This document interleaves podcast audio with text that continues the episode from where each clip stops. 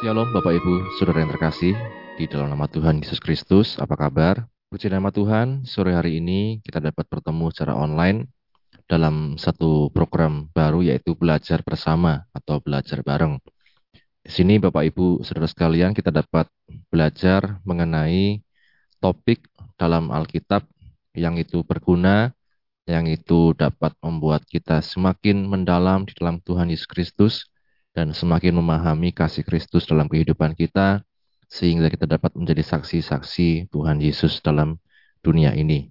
Mari Bapak Ibu Saudara sekalian, kita akan terlebih dahulu berdoa. Bapa kami bersyukur untuk penyertaan-Mu kepada kami, kehidupan, kekuatan, kesehatan yang Kau berikan dalam kehidupan kami, dan kesempatan yang Kau beri pada kami untuk kami dapat bersama-sama belajar dari firman-Mu. Bapa, Engkau yang menyertai Tuhan setiap program acara ini Tuhan, dari permulaan Tuhan sampai nanti di akhirnya Tuhan, kiranya Engkau yang mengatur semuanya menjadi baik Tuhan. Dan biarlah kami dapat memahami apa yang menjadi isi hatimu, apa yang menjadi firman-Mu dan kehendak-Mu dalam kehidupan kami, dan mampukan kami untuk menjadi pelaku-pelaku firman-Mu. Roh Kudus menolong kami untuk memahami dan untuk melakukan firman-Mu dalam kehidupan kami. Kami bersyukur di dalam nama Tuhan Yesus kami berdoa. Haleluya. Amin. Puji nama Tuhan, Bapak Ibu saudara sekalian, untuk topik pertama yang akan kita bahas dalam program belajar bareng ini adalah tabernakel. Nah, Bapak Ibu saudara sekalian, seperti yang saya sampaikan di waktu yang lalu bahwa kita akan membahas tentang tabernakel, belajar bareng tabernakel. Nah, saya sudah menyampaikan beberapa poin di waktu yang lalu mengapa kita mengambil topik ini, dan uh, mengapa kita perlu untuk belajar tentang hal ini. Mengapa kita perlu belajar bareng? Yang pertama tentang program kita yaitu belajar bareng. Ya, seperti yang saya sampaikan di Kamis yang lalu bahwa untuk PA kita akan nantinya sudah belajar di rumah, dari rumah ke rumah, PA dari rumah ke rumah. Yaitu tentang 1 Yohanes pasal 1. Nah, sedangkan untuk program online setelah saya pertimbangkan juga didoakan maka kita akan tetap melaksanakan program belajar online, PA online, tetapi dengan nama belajar bareng atau belajar bersama. Mengapa perlu belajar bareng? Untuk kita pertama semakin memahami. Ya, yang kedua semakin berakar dalam Kristus. Dan yang ketiga dapat melakukan dengan benar apa yang menjadi firman Tuhan. Saya memahami bahwa dalam kehidupan kita sebagai orang percaya, sebagai anak Tuhan, sebagai jemaat Tuhan, sebagai orang Kristen, ada yang mungkin berpikir, udahlah saya cukup untuk datang ibadah minggu saja. Sudahlah saya cukup untuk datang, ya pokoknya setiap minggu sudah sekali, sudah cukup, sudah syukur. Yang penting saya tetap orang Kristen, yang penting saya tetap di gereja, anggota gereja. ya. Nah, di sisi lain ada juga orang yang ingin lebih mendalam. Ada orang yang ingin lebih memahami tentang firman Tuhan. Mereka belum puas dengan apa yang sudah disampaikan mungkin di hari Minggu, ada pertanyaan-pertanyaan dan lain sebagainya. Mungkin ada topik-topik yang mungkin mau ditanyakan yang masih membingung, membingungkan dan lain sebagainya. Nah, itu sebabnya ada program ini belajar bareng. Sekali lagi saya memahami mungkin ada orang yang mungkin ya sudah cukup sekali saja, cukup ibadah saja minggu. Ya, kemudian ada juga orang yang ingin untuk semakin mendalam. Nah, untuk orang yang semakin mendalam ini, kita belajar bersama dalam program belajar bareng. Jadi untuk semakin memahami firman Tuhan. Yang kedua, untuk semakin berakar di dalam Tuhan Yesus Kristus. Semakin berakar dalam Kristus ini, itu sebabnya dikatakan di dalam Filipi, ya, itu sebabnya dikatakan di dalam kolose bahwa ketika kita semakin berakar, maka kita semakin bertumbuh di dalam Tuhan Yesus. Ya, kita buka bersama-sama dalam kolose pasal 2 ayat yang ke-6 dan 7. Kamu telah menerima Kristus Yesus Tuhan kita, karena itu hendaklah hidupmu tetap di dalam dia.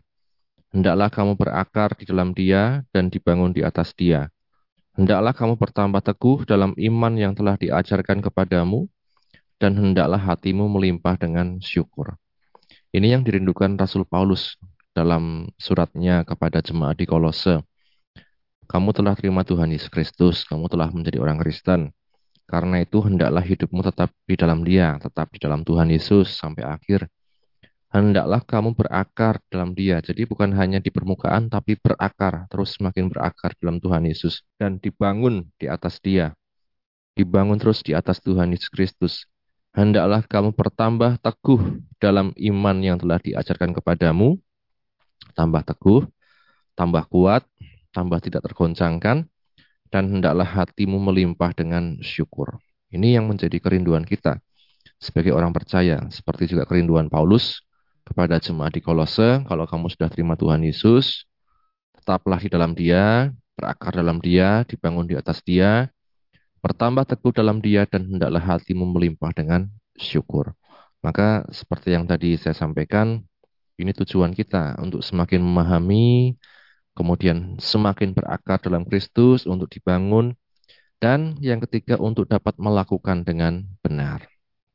Firman Tuhan pernah katakan, kerajinan pun itu tidak baik kalau tidak dengan satu kebenaran, pemahaman yang benar. Misalnya orang rajin beribadah tapi dengan pemahaman yang keliru, misalnya untuk mencari berkat, mencari kemudian kenyamanan, dan lain sebagainya. Kemudian mencari teman, dan lain sebagainya. Nanti lama-lama keliru. Walaupun untuk awal-awal itu tidak salah. Ya, orang ke gereja karena ada temannya, orang ke gereja karena dijanjikan ada berkat Tuhan, orang ke gereja karena dijanjikan ada kesehatan, kesembuhan, dan lain-lain. Itu tidak salah. Tetapi kemudian jangan sampai hanya pemahamannya sebatas itu saja. Tapi mari kita dapat melakukan dengan benar, termasuk ibadah kita. Dengan motivasi yang benar, dengan satu pemahaman yang benar. Kalau sudah pemahamannya benar, kalau sudah berakar dengan benar, maka dapat melakukan dengan benar. Kemudian yang kedua, mengapa tabernakel? Wah, kok ada banyak bahasan, ada banyak topik, ada banyak yang bisa dipelajari. Uh, kenapa memilih tabernakel? Yang pertama itu adalah pola atau pattern, ya bahasa Inggrisnya pola. Pola itu sesuatu yang terus berulang, sesuatu yang terbukti bahwa itu menghasilkan sesuatu, itu namanya pola. Bapak Ibu kalau jualan misalnya jualan barang pasti ada polanya. Ambil bahan dari supplier, kemudian merencanakan bagaimana menjualnya seperti apa, uh, packagingnya seperti apa, dikemas seperti apa. Ada polanya. Dan dari dulu sampai sekarang mungkin Bapak Ibu belajar terus, belajar terus bagaimana pola yang terbaik yang menghasilkan keuntungan yang paling besar. Nah, demikian juga dalam firman Tuhan ada pola-pola tertentu yang terus berulang dalam Alkitab yang itu membuktikan bahwa itu adalah satu pola yang baik, menghasilkan sesuatu yang baik. Nah, itu adalah salah satunya pola tabernakel. Dari halaman ruang kudus, ruang masuci, ada nilai-nilai yang bisa kita pelajari. Nah, yang kedua membuat kita terarah. Kalau kita sudah tahu polanya, ibarat tim sepak bola kalau sudah tahu polanya, strateginya dia lebih terarah dalam bermain sepak bola. Kalau sebuah tim basket misalnya dia tahu polanya, strateginya seperti apa, dia lebih terarah dalam bermain basket. Sehingga apa? Hasilnya dapat mengalahkan musuh, dapat kemudian memberikan perlawanan yang baik dan sebagainya.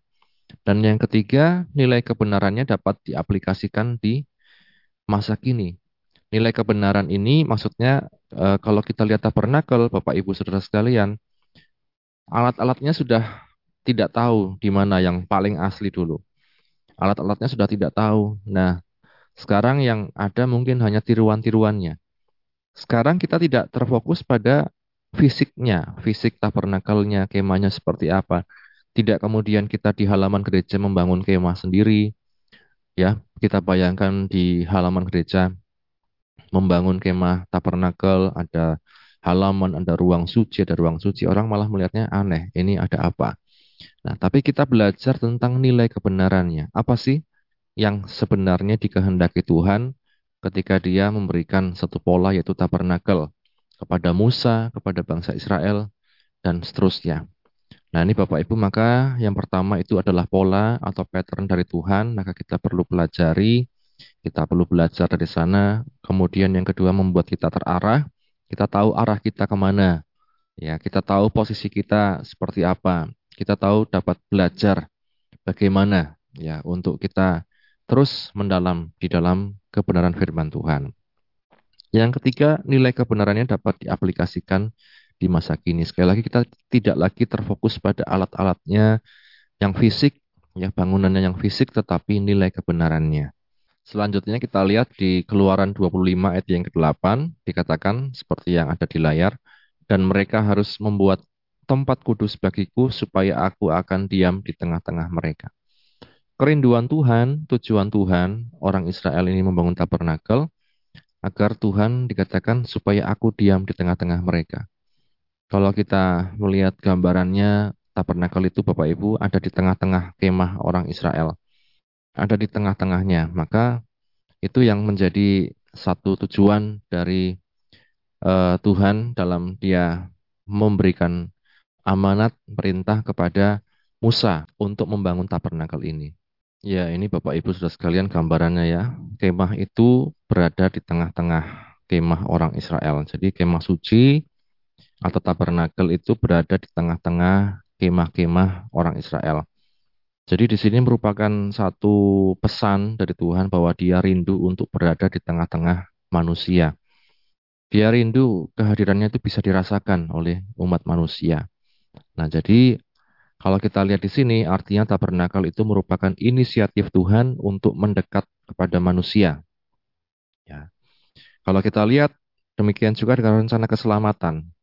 Inisiatif Tuhan untuk menyelamatkan manusia, yaitu dengan cara apa? Mengutus Tuhan Yesus, anaknya yang tunggal, turun ke dalam dunia menjadi sama dengan manusia, bahkan mati di kayu salib, dan pada hari ketiga dibangkitkan. Pada hari ketiga bangkit, itu semua apa? kerinduan Tuhan untuk bersama dengan manusia berdosa seperti saya dan Bapak Ibu Saudara sekalian. Jadi kita menghargai kasih Tuhan karena Dia yang terlebih dahulu mengasihi kita. Nah, ini polanya Bapak Ibu. Kita lihat di bagian samping ini ya, ada halaman, pelataran, ada kemudian mesbah korban bakaran, bejana pembasuhan, pintu kemah, meja roti sajian, pelita, misbah dupa itu di ruang suci.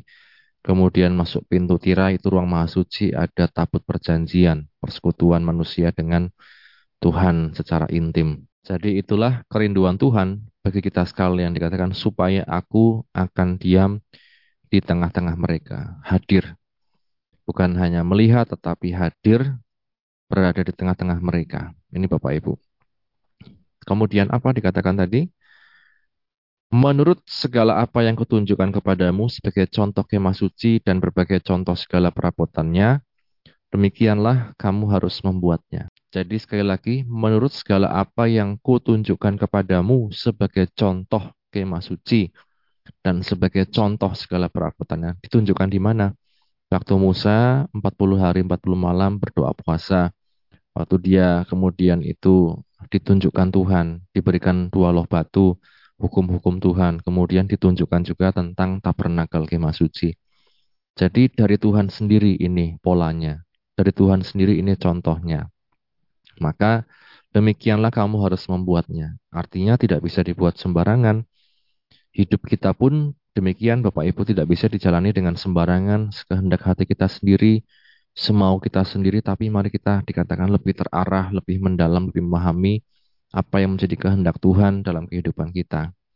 Ketika kita mau untuk menundukkan diri di hadapan Tuhan, otoritas Tuhan, maka saya percaya Tuhan pun akan memberkati setiap kehidupan kita, Tuhan memelihara kita, dan lain sebagainya. Tetapi kalau kita tidak mau berada dalam otoritas Tuhan, hidup semau sendiri, seenak sendiri, maka Tuhan yang terikat dengan hukumnya sendiri akan dikatakan dia ingin memberkati tetapi tidak bisa. Karena apa? karena tidak sesuai dengan hukumnya sendiri. Nah, maka ketika kita berada dalam firman Tuhan, dikatakan kita mau menundukkan diri kepada apa yang menjadi perintah dari Tuhan sebagai contoh kemah suci, sebagai contoh segala perabotannya, demikianlah kamu harus membuatnya, mencontoh, meniru sebagai peniru-peniru Kristus, sebagai orang-orang yang meneladani Kristus, yang dikatakan firman Tuhan. Nah, Tujuan akhir dalam kita belajar tabernakel ini adalah agar kita hidup dan bergereja sesuai dengan pola atau pattern dari Tuhan. Bukan hanya di gereja kita mengerti ya oh gini toh hidup bergereja melayani Tuhan itu seperti ini. tetapi juga dalam kehidupan kita pribadi. Dikatakan kita hidup sehari-hari, kita hidup di gereja, melayani Tuhan, dikatakan sesuai pola, pattern dari Tuhan, yaitu salah satunya adalah tabernakel, sesuai dengan apa yang menjadi kehendak Tuhan, gitu ya, singkatnya. Yang kedua, seperti tujuan Tuhan untuk hadir diam di tengah-tengah bangsa Israel, demikian juga dalam kita mempelajari ini, tujuan akhirnya agar kita terus mengalami persekutuan dengan Tuhan hari demi hari. Mengalami persekutuan dengan Tuhan hari demi hari, sehingga kita terus semakin disempurnakan ya, dalam arti kita terus mengerti kehendak Tuhan, hati Tuhan. Tidak ingin untuk menyakiti hati Tuhan, dan lain sebagainya. Dan yang ketiga, rendah hati dalam menjalani hidup. Agar kita semakin rendah hati dalam menjalani hidup. Kalau saya katakan orang belajar tabernakel itu harusnya tidak kemudian menjadi sombong. Apakah ada yang seperti itu? Kadang ada ya. Kita sudah belajar, kita sudah tahu tentang tabernakel, kemudian merasa orang yang tidak belajar itu lebih rendah statusnya, lebih rendah ya. Apanya itu kastanya. Harusnya sesudah kita belajar tabernakel kita semakin sadar untuk semakin rendah hati. Ini Bapak Ibu sudah sekalian. Jadi untuk hari ini hanya itu yang menjadi pendahuluan kita. Mari kita sama-sama belajar, mari kita sama-sama mau untuk lebih memahami, lebih mendalami, lebih berakar dalam Kristus sehingga tujuan akhir tadi dikatakan kita semakin hari semakin mengalami persekutuan dengan Tuhan semakin rendah hati, semakin hidup sesuai dengan pola atau pattern Tuhan. Karena apa? Pola itulah yang menghasilkan yang baik. Pola itulah yang dikatakan terus digunakan menurut contoh yang diberikan Tuhan kepada Musa dari surga. Kiranya menjadi berkat untuk kita sekalian dan mari sama-sama kita berdoa. Bapak kami bersyukur untuk firman-Mu yang telah kami baca, kami dengar, kami renungkan. Ketika kami mulai belajar tabernakel Tuhan, kami mohon anugerah-Mu, penyertaan-Mu dalam program ini, sehingga kami dapat menuntaskan sampai di akhirnya. Tuhan yang juga tolong hamba-Mu untuk dapat juga mengerti, memahami, melakukan, dan mengalami dalam kehidupan sehari-hari. Dan setiap umat-Mu juga Tuhan untuk dapat diberikan pencerahan dan mampukan kami untuk melakukan firman-Mu dalam kehidupan kami sehari-hari. Berkatilah setiap anak-anakmu Tuhan di mana pun berada, baik mereka yang sakit disembuhkan, mereka yang lemah dikuatkan, mereka yang susah dihiburkan, mereka yang dalam permasalahan berikan jalan keluar ya Tuhan. Kami bersyukur, ini doa kami, dalam nama Tuhan Yesus kami berdoa, haleluya. Amin. Puji nama Tuhan, Bapak Ibu saudara sekalian, Tuhan Yesus memberkati. Amin.